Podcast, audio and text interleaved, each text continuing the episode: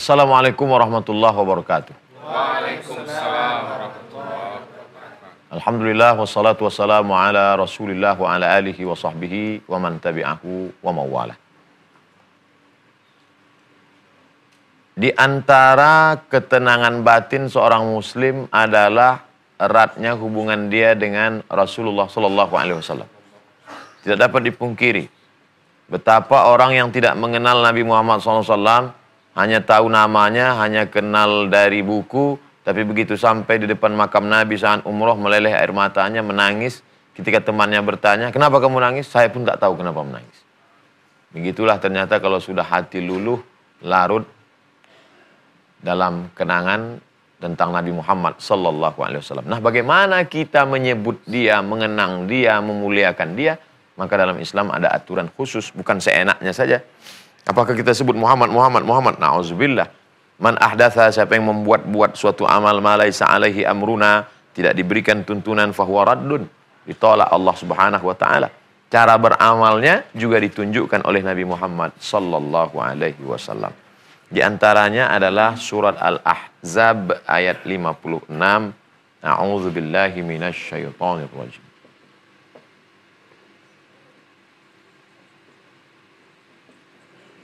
Innallaha wa malaikatahu yusalluna 'alan nabi. Sesungguhnya Allah malaikat bersolawat kepada Nabi. Yang dimaksud Nabi di sini adalah Nabi Muhammad Sallallahu Alaihi Wasallam. Allah berselawat kepada Nabi, malaikat berselawat kepada Nabi Muhammad Sallallahu Alaihi Wasallam.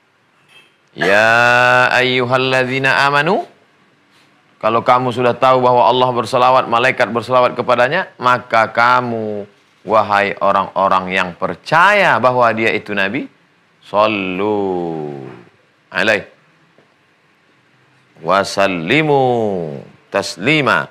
Maka kamu pun bersalawatlah kepada alaih kepadanya nya Muhammad sallallahu alaihi wasallam.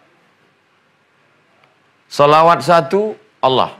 Salawat dua malaikat. Salawat tiga salawat orang beriman. Ada tiga salawat. Datanglah sahabat bertanya, bagaimana cara kami bersalawat? Wasallimu, ucapkan salam. Sudah biasa. Ucapkan salam kepada dia. Assalamualaikum ya Rasulullah. Assalamualaikum ya Nabi Allah. Assalamualaikum ya khaira khalqillah. Assalamualaikum ya safwatallah. Dan setiap salat kita mengucapkan salam kepada dia. Assalamualaikum ayuhan nabiyyu wa rahmatullahi wa barakatuh. Tapi mengucapkan solawat kepadanya bagaimana? Diajarkan. Ada lima riwayat dalam Sahih Al-Bukhari, Sahih Muslim. Lima bentuk solawat.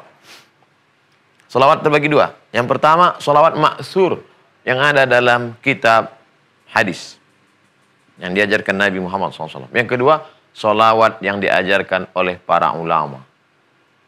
Solawat yang dibuat ulama selama tidak bertentangan dengan Quran dan Sunnah maka dia termasuk dalam kategori doa. Sedangkan doa boleh dibuat sendiri. Selama tidak doa yang mungkar, doa yang batil, doa yang membawa kesyirikan. Na'udzubillah. Adapun hadis menyebutkan di antaranya Allahumma salli ala sayyidina Muhammad wa ala ali Muhammad kama sallaita ala Ibrahim wa ala ali Ibrahim innaka Hamidum Majid. Allahumma barik ala Muhammad wa ala ali Muhammad kama barakta ala Ibrahim wa ala ali Ibrahim innaka Hamidum Majid. Salah satu di antaranya. Kita bersolawat begitu bunyinya. Bagaimana mungkin Allah bersolawat kepada Nabi Muhammad SAW? Tapi ayatnya jelas. Innallaha wa malaikatahu yusalluna ala nabi. Allah bersolawat kepadanya. Maka ada tiga makna. Solawat Allah kepada Muhammad maknanya adalah rahmatuhu waridahu rahmatnya dan ridhonya yang senantiasa tercurah. Kalau sudah ridho maka semua diberikan. Wala saufa yu'tika rabbuka fatarda. Apa pun yang kau mau akan aku beri karena Allah sudah ridho kepadanya. Jadi kalau begitu apa yang dimaksud? Sesungguhnya Allah bersolawat kepada Muhammad. Maknanya Allah mencurahkan rahmatnya dan senantiasa menaunginya dengan ridhonya. Apa makna malaikat bersolawat? Apakah malaikat juga mengucapkan Allahumma salli ala sayyidina Muhammad? Tidak. Lalu apa maknanya? Yubarrikuna. Begitu kata Abdullah ibnu Abbas radhiyallahu anhuma. Malaikat bersolawat maknanya malaikat mendoakan supaya Nabi Muhammad senantiasa mendapatkan yubarrikuna barokah. Maka kalau begitu ada tiga makna. Salawat Allah, rahmat dan ridha. Salawat malaikat, menohonkan barakah. Salawat kita senantiasa mengucapkan Allahumma salli ala Sayyidina Muhammad wa ala ali Muhammad. Maka saat itu terkoneksilah hubungan kita dengan dia Nun yang jauh di sana di kota Al-Madinah Al-Munawwarah. Inna Allah wa malaikatahu yusalluna ala nabi Ya ayyuhalladzina amanu sallu alaihi wa sallimu taslima. Untuk apa kita berselawat kepada dia? Setiap majlis kalau tidak diisi dengan salawat maka majlis itu menjadi antana jifah Pertama, majlis yang tidak ada solawat di dalamnya, maka majlis itu menjadi majlis antanajifah, bangkai, busuk, dan berbau. Makanya tadi di awal majlis kita, pertama diucapkan salam, Assalamualaikum warahmatullahi wabarakatuh. Yang kedua, memuji Allah, Alhamdulillahi Rabbil Alamin. Yang kedua, wassalatu wassalamu ala Sayyidina Muhammad sallallahu alaihi wa alihi wa baraka wasallam. Karena kita tidak ingin majelis kita ini menjadi majelis bangkai. Itulah agaknya dalil kenapa ada ketika dua orang bertemu bersalaman Allahumma salli ala sayyidina Muhammad. Kenapa ini dua orang ini kalau bertemu bersalaman Allahumma salli ala sayyidina Muhammad? Karena dua orang juga menjadi sebuah majelis. Majelis pertemuan, majelis ngobrol. Dia tidak ingin majelisnya itu menjadi majelis bangkai karena tidak ada solawat di dalamnya. Maka dia pun Allahumma salli ala sayyidina Muhammad. Dua, doa. Doa. Ada apa dengan doa? Kita akan lanjutkan setelah yang satu.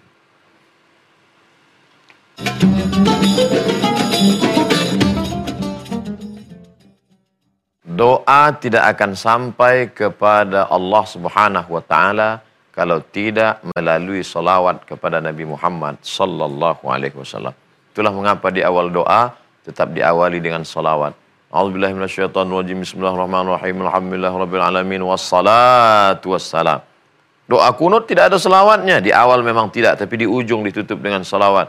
Allahumma hdina fi man hadait wa afina fi man afait wa tawallana fi man tawallait wa barik lana fi ma atait wa qina bi rahmatika syarra ma qadait fa innaka taqdi wa la yuqda alaik wa innahu la yadhillu man walid wa la yu'azzu man adait tabarak rabbana wa ta'ala falakal hamdu ala ma qadait nastaghfiruka wa natubu ilaik wa sallallahu ala sayyidina Muhammadin Nabil Ummi wa ala alihi wa sahbihi wa baraka wasallam.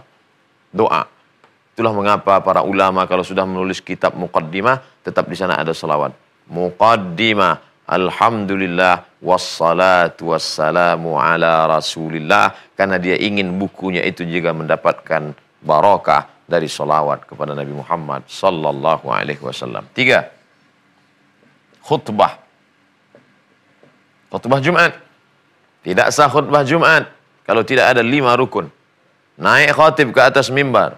Alhamdulillah. Ya ayuhalladzina amanu taqullah. Usikum wa nafsi bitaqwallah. Allahumma firil muslimina wal muslimat. Lalu kemudian setelah itu khutbah kedua dia turun. Batal khutbah Jumat. Karena dia lupa mengucapkan rukun salah satunya. Khatib mesti mengucapkan Allahumma salli ala Sayyidina Muhammad wa ala ali Muhammad. Salawat salah satu dari rukun khutbah Jumat. Empat, solat. Solat yang tidak ada solawatnya, maka solat itu batal menurut mazhab syafi'i. At-tahiyatul mubarakatus salawatut tayyibatu lillah. Assalamu alayka ayuhan nabi wa rahmatullahi wa barakatuh. Assalamu alayna wa ala ibadillah salihin. Ashhadu an la ilaha illallah. Wa ashhadu anna muhammadur rasulullah. Handphone pun berbunyi. Assalamualaikum warahmatullahi Batal salat. Kenapa batal sholat? Padahal kan sudah salam. Sedangkan sholat itu adalah akwalun ucapan, wa af'alun perbuatan. Mufattatahatun bit takbir dibuka dengan takbir, wa muhtatamatun taslim ditutup dengan salam. Kenapa batal? Kan lengkap semua. Ada satu yang kurang. dia tidak mengucapkan Allahumma salli ala sayyidina Muhammad wa ala ali sayyidina Muhammad. Lima. Di dalam salawat ada tiga puluh. Apanya yang tiga puluh? Man salla alaiya salatan, siapa yang bersalawat kepadaku satu kali. Sallallahu alaihi biha asyra, Allah balas sepuluh kebaikan. Wa khuttat anhu asyara sayiat, ditutupi sepuluh dosa kesalahan Wa rufi'at lahu asyara darajat. Dinaikkan sepuluh darajat tingkatan kemuliaan. Ustaz, mana yang lebih baik? Saya bersalawat atau beristighfar? Beristighfar dosamu diampunkan Allah. Bersalawat sepuluh kebaikan, sepuluh dosa dihapuskan, sepuluh derajat kemuliaan dinaikkan. Ini yang saya bingung sampai sekarang Pak Ustaz. Salawat apa istighfar? Salawat apa istighfar? Mana yang kamu amalkan? Alhamdulillah dua-duanya sudah. Alhamdulillah. Dua-duanya belum. Na'udzubillah. Allahumma salli ala Sayyidina Muhammad wa ala ali Sayyidina Muhammad. Datang seorang menghadap Rasulullah Sallallahu Alaihi Wasallam. Saya ini rajin berdoa ya Rasulullah. Ya. Bagaimana kalau doa saya itu saya bagi ada di dalamnya solawat seperempat. Dia berdoa, lalu seperempat doanya itu solawat. Kata Nabi Shallallahu Alaihi Wasallam bagus. Kalau kamu mau tambah, tambah lagi. Bagaimana kalau doa saya itu saya jadikan setengahnya solawat? Kata Nabi, bagus. Tapi kalau kau mau tambah, tambah lagi. Bagaimana kalau doa saya itu saya jadikan dua pertiganya solawat? Bagus. Tapi kalau kau mau tambah, tambah lagi. Bagaimana kalau doa saya itu semuanya solawat? Apa kata Nabi SAW? Kafallahu hammaka maka segala keinginanmu dikabulkan Allah, diperkenankan Allah, segala susah hatimu dihilangkan Allah, segala dosamu diampunkan Allah Subhanahu wa taala. Makanya kadang ada kita dengar uh, kepada Al-Habib fulan bin fulan, As-Sagab, Al-Haddad, Al-Jifri, Al-Shihab, Al-Attas supaya memohon untuk berdoa. Tiba-tiba dia hanya berdoa Allah salli ala sayyidina Muhammad wa ala ali Muhammad habibika wa nabiyika wa rasulika. Setelah itu alhamdulillah rabbil alamin. Orang yang enggak paham, Doanya mana? Ya itu doanya. Karena dengan bersolawat, Allah hapuskan dosa, Allah naikkan derajat, Allah berikan kebaikan, Allah hilangkan kesusahan, Allah naikkan segala yang jatuh, yang rendah menuju kemuliaan Allah subhanahu wa ta'ala. Dengan bersolawat kepada Rasulullah Sallallahu Alaihi kita sudah terlepas daripada bakhil, pelit, kedekut. Siapakah orang yang paling bakhil, Orang yang paling bakhil adalah ketika disebut namamu dan dia tidak berselawat kepadamu. Ketika Ustadz berceramah, inilah sabda Rasulullah sallallahu alaihi wasallam. Kenapa tak ada yang berselawat? Silent Ustadz. Salawat dalam hati. Salawat didengar Allah subhanahu wa ta'ala. Salawat dalam, tapi afdalnya kita ucapkan Allahumma salli ala Sayyidina Muhammad wa ala ali Muhammad. Tujuh ada satu doa malaikat Jibril alaihissalam. Ketika Nabi naik ke atas mimbar. Mimbar Nabi tiga lantai. Satu, dua, tiga. Ketika Nabi naik ke atas mimbar pertama, amin. Ketika Nabi naik ke atas, amin. Nabi naik lagi, amin. Sahabat heran. Ada apa amin, amin, amin. Kami tidak melihat ada yang berdoa. Kata Nabi, kalian tidak lihat, kalian tidak dengar. Tadi ketika aku naik di tangga yang pertama, Jibril datang dan berdoa. Bu'dan liman adraka Ramadan, falam yughfarlah. Celaka orang yang berjumpa dengan Ramadan, tapi dosanya tak diampuni, kata Jibril. Nabi mengaminkan, amin. Nabi naik lagi, Jibril berdoa. Bu'dan liman dzukirta wa lam yusalli alaika. Celaka orang yang ketika disebut namamu dan dia tidak berselawat kepadamu. Amin, kata Nabi. Nabi naik lagi, Jibril berdoa, dan liman adraka walidahul kibara ahaduhuma au kilahuma. Celaka orang yang ketika orang tuanya hidup bersamanya panjang usianya bapaknya atau ibunya atau dua-duanya atau salah satu daripada keduanya falam yudkhilahul jannah. Tapi orang tuanya itu tidak membuat dia masuk surga malah membuat dia masuk neraka karena dia tidak berbakti kepada orang tua tak mendapat ridha. Ridha Allah fi ridha walidain. Ridha Allah terletak pada ridha orang tua. Wa suhutullah fi suhutil walidain murka Allah terletak pada murka orang tua. Doa Jibril alaihi salam yang diaminkan oleh Muhammad sallallahu alaihi wasallam. Bagaimana solawat membuat orang dekat. Jarak kita dengan Nabi Shallallahu Alaihi Wasallam 9.000 kilometer. Jarak waktu kita 1440. Apa yang bisa mendekatkan kita dengan dia? Kita lanjutkan setelah yang berikut ini.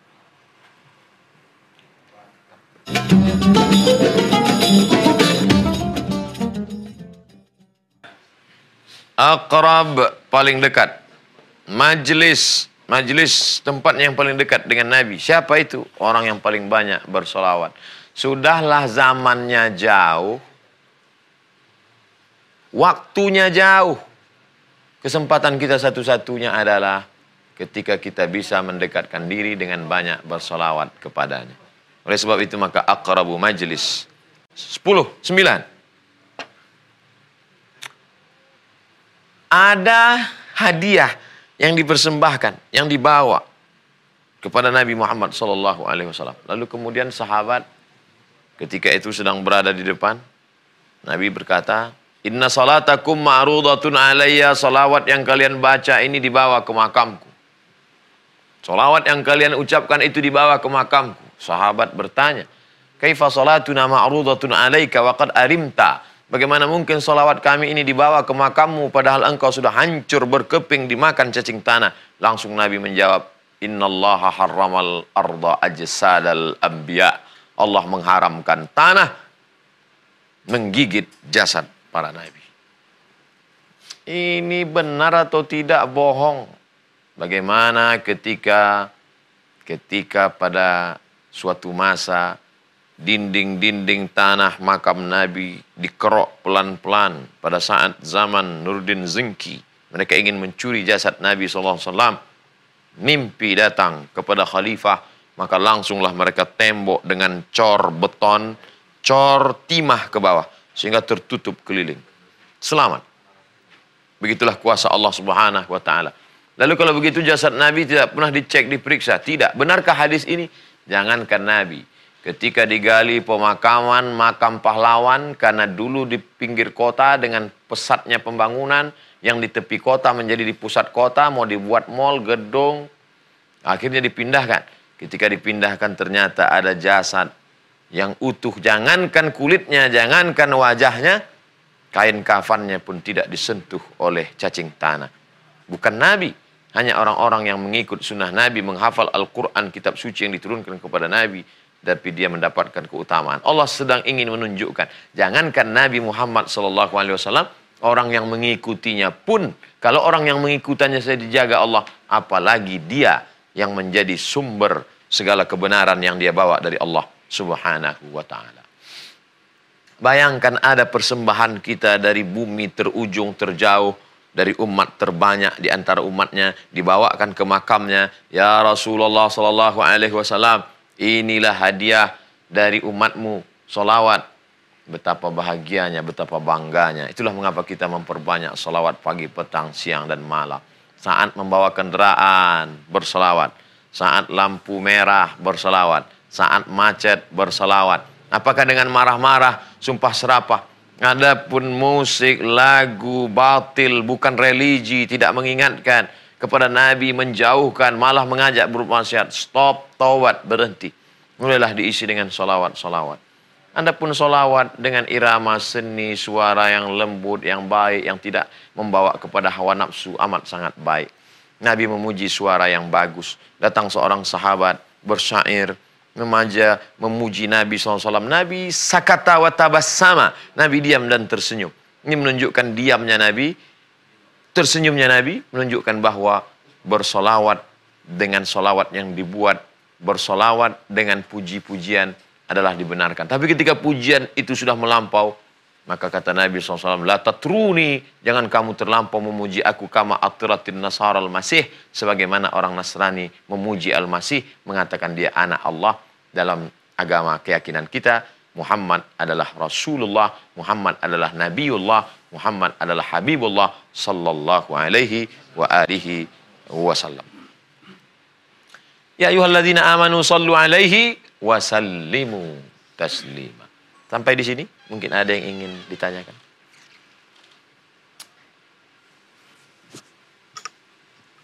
Bismillahirrahmanirrahim. Assalamualaikum warahmatullahi wabarakatuh. Waalaikumsalam warahmatullahi wabarakatuh.